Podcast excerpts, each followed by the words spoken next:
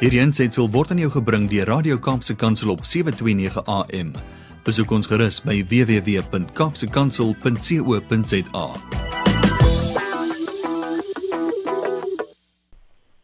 Goeiedag en baie welkom by die program Markplek Ambassadeurs, die program van CBC Suid-Afrika hier op Kaapse Kansel 729 AM. Dit is vir my Harm Engelbreg te voorreg om weer te gesels uh met die luisteraars vandag en om weer 'n gas te hê wat met ons gesels in hierdie tyd van afsondering en isolasie en lockdown uh, word die onderhoude per telefoon gedoen en ehm um, soos hou daarom die die sosiale afstand is 'n paar kilometer weg. So is vandag vir my lekker om weer te gesels met Neil Steinman. Ek het uh, verlede week begin om te gesels met hom en ehm um, bietjie oor sy ervarings wat hy gehad het uh met die skryf van sy eerste boek en ons gaan vandag 'n bietjie verder gesels. Ehm uh, Neil, uh baie welkom terug. Goeiemôre en baie dankie Arm, wat 'n voorreg om weer saam te kan gesels. Neil vir die mense wat dalk nou laasweek nie ingeskakel het nie. Ek weet nie of ons uh, weer moet sê dat jy 'n Pretoriaaner van geboorte is nie. En of ons weer moet sê dat jy eintlik 'n lank daar gewoon het. Maar wat ons dalk moet sê is dat jy darmal 12 jaar in die Kaap is. Dis korrek, ja. Dis korrek. Ek hopelik is ek nou word ek nou nie meer gesien as 'n inkomer. maar baie welkom in die Kaap. ons is bly jy dankie. Ons is bly jy het Pretoria verruil vir vir vir die Wes-Kaap en uh Neil bly daar in Somerset met sy vrou en sy twee seuns. En Neil het vir ons laasweek vertel dat ehm um, hy eintlik 'n baie interessante geskiedenis het en hoe hy gekom het by die punt van bietjie boeke skryf en uiteindelik hoe hy sy eerste boek begin skryf het. Neil, wil jy nie gou vir ons net so in 2 minute net gou opsom waaroor ons laasweek gepraat het nie? Dankie, Arm. Ja, ek het uh, so vinnig vir julle vertel van hoe ek uh, terloops begin boek skryf het en uh, die impak wat mense in my lewe gehad het en my aangemoedig het om goed te doen wat ek wel doen ek doen konsultasiewerk en was dit nie vir sekere gesprekke in my lewe nie sou ek sekerlik nie sekere goed uh en uitdagings aanvaar het nie. En dis juis op grond van 'n uitdaging wat ek die boek geskryf het wat oor leeuhandel wat 'n wonderlike metafoor skep vir vir mentorskap uh en die titel is Rising Giant Killers. Nou ek wil daarmee net bysê wat ek verlede week nie gesê het nie. Harm een van my gunsteling stories as kind in die Bybel was juist Dawid en Goliat. En ek het nou toevallig weer so 'n week terug gelees in Kronieke hoe koning Dawid 'n klomp manne rondom hom gehad het wat hy opgerig het wat bekend gestaan het as mighty men. Hmm. En ek dink deel van Dawid se sukses as leier was dat hy that he was able to raise other giant killers. En so die die die uh, boodskap rondom mentorskap is iets wat vir my baie na in die hart lê en uh, ek is 'n sekerlike produk van mense wat vir my omgegee het in my lewe en my bygestaan het.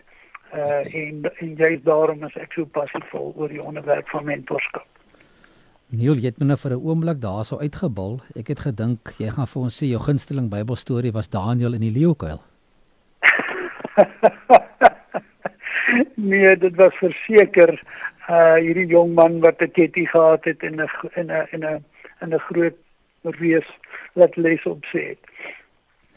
Neil, jy het vir ons verlede week vertel dat jou jou eerste boek ehm um, het so eintlik half ek amper sê nie per ongeluk gebeur nie, maar maar die die ervaring wat gelei het tot die skryf van die boek was nooit bedoel om 'n ervaring te wees wat neergeskryf word in 'n boek nie as ek dit nou so kan stel. Uh, en jy het hierdie ongelooflike voorreg gehad om saam met iemand ehm um, wat jou eintlik gementor het op 'n manier uh in die veld in te vat waar jy vir 'n as ek reg onthou 'n paar maande, 2 maande gebly het en en julle saam na leeu's gekyk het en leeu's bestudeer het en die verskillende troppe en die invloed van die omgewing en die en die invloed van die ma op die kleintjies. Ehm um, wat 'n ongelooflike storie is. En toe jy so half uitgedaag word deur Ken Blanchard om te sê maar gaan skryf dit goed neer en toe en toe word dit 'n boek en en en toe lei dit tot die volgende ene wat jy toe nou weer geskryf het. Maar ek wil net gou 'n bietjie weer stil staan by die by die by die boek Rising Giant Killers uh um the fundamentals for effective mentoring. Want dit dit bly my die Engelse praat van my mind boggle. Um, hoe mens hoe jy uit die natuur uit gesien het hoe verskillende leeu's hulle kleintjies grootmaak en die lesse wat ons uit die natuur uit kan leer oor mentorskap. Ehm um, vinnig een of twee goedjies wat wat ons daar uit kan vat. Ja, ek het uh, verlede week ehm um, Aaron het ek genoem dat uh, een van die goed wat vir my uitstaan van die leeu's is hoe intentioneel die wyfie is wanneer sy haar kleintjies grootmaak. En jy weet, uh leeu's is net dragtig vir ongeveer 3 maande nie. So daai ou kleintjies wat gebore word wat veronderstel is om hierdie pragtige en kragtige koning van die bos te word, word eintlik maar 'n 'n baie nederige begin en hy word blind gebore sonder 'n tand in die bek en die ma moet daai klein dingetjie vat en vir hom toerus met die vaderhede om eendag te gaan buffels jag. En dit bly vir my net uh, een van die van die grootste soos die Engels sal sê spectacles in die natuur om te sien hoe die die wyfie en sy het net ongeveer 18 maande wat sy investeer in haar kleintjies om groot te word en om te kan dan betrokke raak by die trop en ook te jag. Uh dis voorware wonderlike ervaring. Dis net weer 'n wonderwerk die die die skepping nê, die natuur hoe dit werk en hoe God dit ook in hulle ingebou het en en hoe hulle dit alles ervaar en en hoe dit net van self gebeur eintlik. Absoluut. Ek dink ehm um, dis wat sekerlik die boodskap wat ek uit hierdie uh, eerste boek uit probeer by die leser uitbring is dat ons as mense so so gesofistikeerd en ons het wonderlike maniere van kommunikeer en ons het uh intelligente telefone en dit en en partykeer kan ons steeds nie met mekaar kommunikeer nie en ons moet amper teruggaan natuur toe wat vir ons net wys wat is die basiese beginsels wat nodig is uh om suksesvol te wees om ons kleintjies groot te maak En uh, so ja, dis 'n dis eintlik 'n sterk metafoor wat ek eintlik by die by die leser probeer los om te sê gaan dink oor die natuur en die lesse wat ons daaruit kan kry. Maar ma Neil, dit bring my nou presies by die tweede boek wat jy geskryf het. En dit gaan oor daai kommunikasie en en hoe draas dit oor? En en en jou tweede boek se naam is eh, Crucial Mentoring Conversations. Ehm um, het jy gedink dit is nodig dat jy dit moet skryf na na die eerste boek of het dit maar eers baie later gebeur? Weet jy Arm, ek dink 'n uh, 'n uitdaging van ons tyd is ons moet seker altyd probeer relevant bly, nê. Nee. Ek doen konsultasiewerk spesifiek rondom leierskapontwikkeling en mentorskap ehm um, vir groter organisasies. En ek dink soos wat ons deur die jare aan hierdie goed gewerk het en en uh, ouens toegerus het met vaardighede, het ons tog agtergekom dat in soveel organisasies sien ons dat mense éventueel verantwoordelik raak as leiers vir mense maar hulle het bevordering gekry omdat hulle vaardig was aan hulle vorige werk en so ons het die beste ingenieur gevat en hy het die bestuurder geword en ons vat die beste onderwyser en ons maak hom die skool hoof en wat jy suksesvol gemaak het in jou vorige werk maak jou nie suksesvol as 'n leier in in jou in jou toekomstige posisie nie. En ons het besef dat ons eintlik vir leiers 'n baie praktiese riglyn en amper kom ons net maar 'n toolkit wil gee sodat hulle werklike eerlike en diep gesprekke met mense kan voer. Ek dink ons het regtig die die die uh, kuns van gesprekvoering het ons begin verloor. Ek, ek sien die tyd waarin ons leef is ons stuur hierdie gesiggies vir mekaar en ons gee 'n vinger wat wys ons is dit gaan goed en en ek dink ons mis die geleentheid om werklik met mekaar te kan connect en gesels en ek dink dit was die behoefte rondom die tweede boek om te sê daar seker gesprekke wat jy as leier behoort te hê wanneer jy 'n inspraak wil maak in die lewens van van die wie jy lei. Neil, dit bring my by die vraag wanneer begin mentorskap? Ehm um, ons weet dit behoort te wees in jou werkplek, maar seker sekerlik seker ook in die huis tussen ouers en kinders, veral as ons nou weer teruggaan na die leeu's en en hulle en hulle kleintjies toe. Ons sou plaaglik misluk as ons dit regkry in die werksplek, maar ons mis dit in ons eie huishoudings.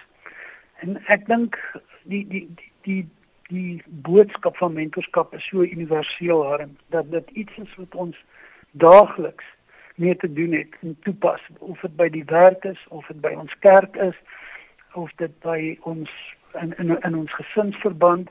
Ons het nodig om te besef daar's mense wat nie die ervaring het wat ons het nie uh en dat uh, mentorskap is 'n wonderlike geleentheid om lewenslesse en ervarings oor te dra uh van een geslag na ander.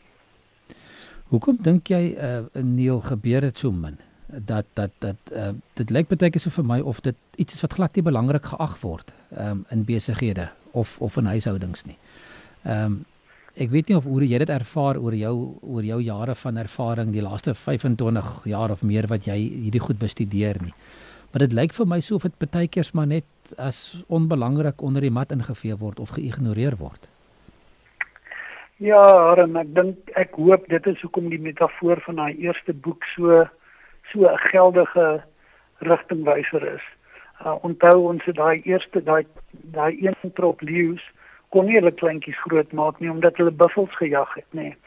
En uh, ek weet dis 'n metafoor uit die natuur, maar ek dink dit spreek tot baie harte. Ons raak partykeer so vasgevang in ons eie sukses dat ons nie die geleentheid raak sien om in ander se lewens in te spreek nie. En ek sien in baie organisasies waar ons werk waar leierskap vasgevang word in die doelwitte en die getalle van dit wat hulle moet bereik en die laaste ding wat uh, hulle aandink is om die volgende om die pipeline van leierskap gereed te kry. Ek sien dit in ons kerke, ek sien dit in besighede.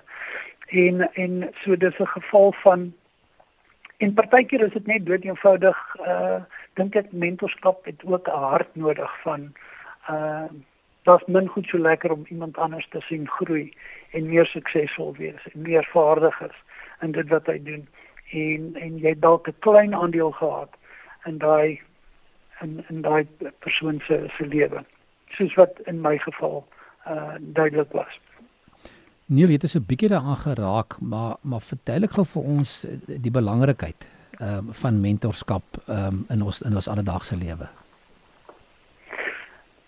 Ek uh, ek het nou die dag baie mooi gesegde gehoor Harm sê there's things that we know that's ungoogleable. Hm. En uh, dit was vir my pragtig geweest want ek dink ons ons is juis in 'n tyd waar as ek 'n antwoord soek, is daar 'n knoppie wat ek kan druk. Daar's iets wat ek kan oplees vinnig daaroor en dis binne 'n japtrap is dit voor my. Maar ek dink tog ons lewe bestaan uit ervarings, uit lewenslesse, suksesse, mislukkings. En die lewe is te kort vir ander om dieselfde foute as ons te maak. En ek het nog altyd strategies vir myself gesê en ek dink ons kan werklik sê dat ons het nie noodwendig net een mentor in ons lewe nodig nie. Hmm. My moeder was 'n mentor vir my op 'n baie sterk geestelike vlak. My ek het vriende wat in besigheid suksesvol is wat as ek raad wil vra of ek dan klop ek aan hulle deur. As dit rondom uh verhoudinge gaan is daar mense wat ek uh baie sterk vertrouensverhouding mee het. En ek dink ons het on, ons ons wêreld het te kompleks geraak om te dink dat uh ons op 'n perd kan injaag en alles suksesvol en alleen aanpak. En so ek dink mentorskap is is meer belangrik vandag as wat dit ooit voorheen was. Neil, dink jy ehm um, mentorskap kan ooit te vroeg begin?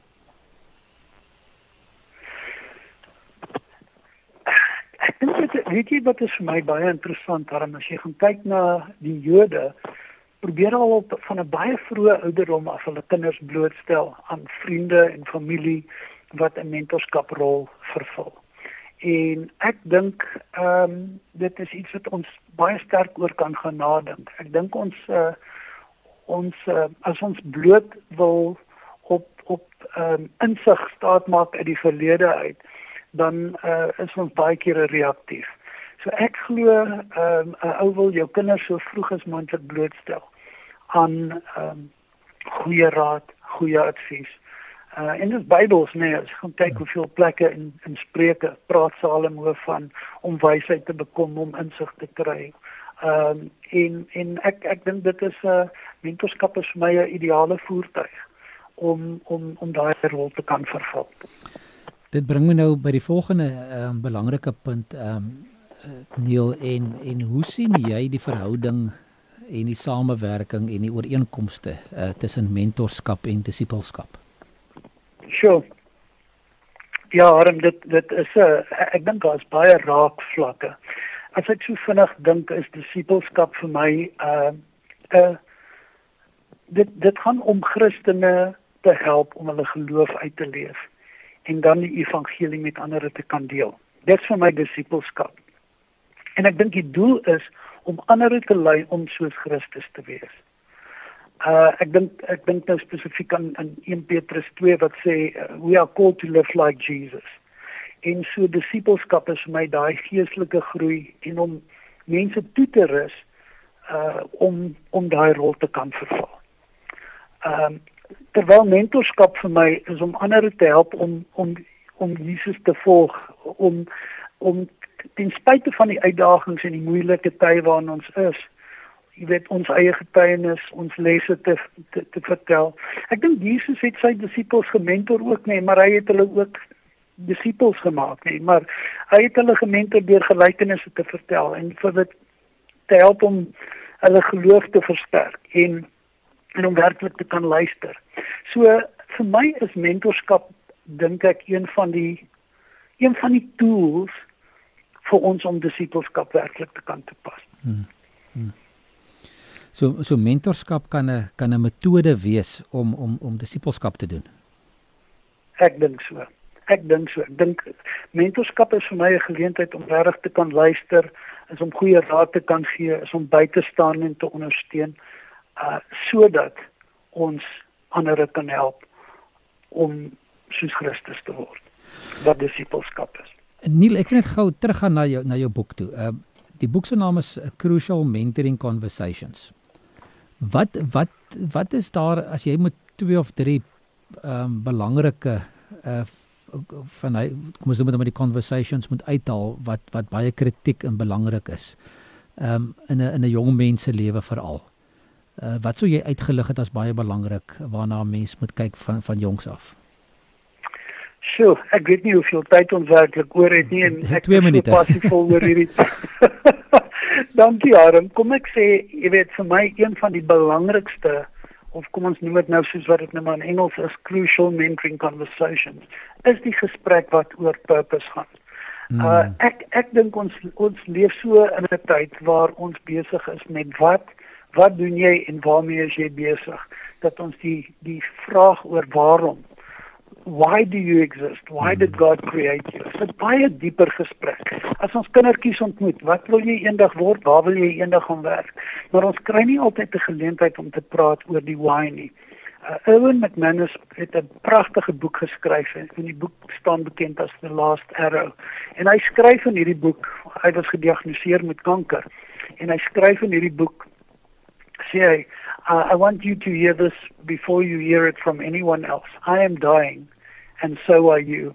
Hy sê in ons lewe in 'n tyd waar ons ons word nie gekonfronteer met ons eie moraliteit uh, uh, mortality nie. En um ons ons leef van dag tot dag is eers wanneer ons werklik gekonfronteer word met die dood wat ons werklik gaan dink oor waarom doen ek wat ek doen?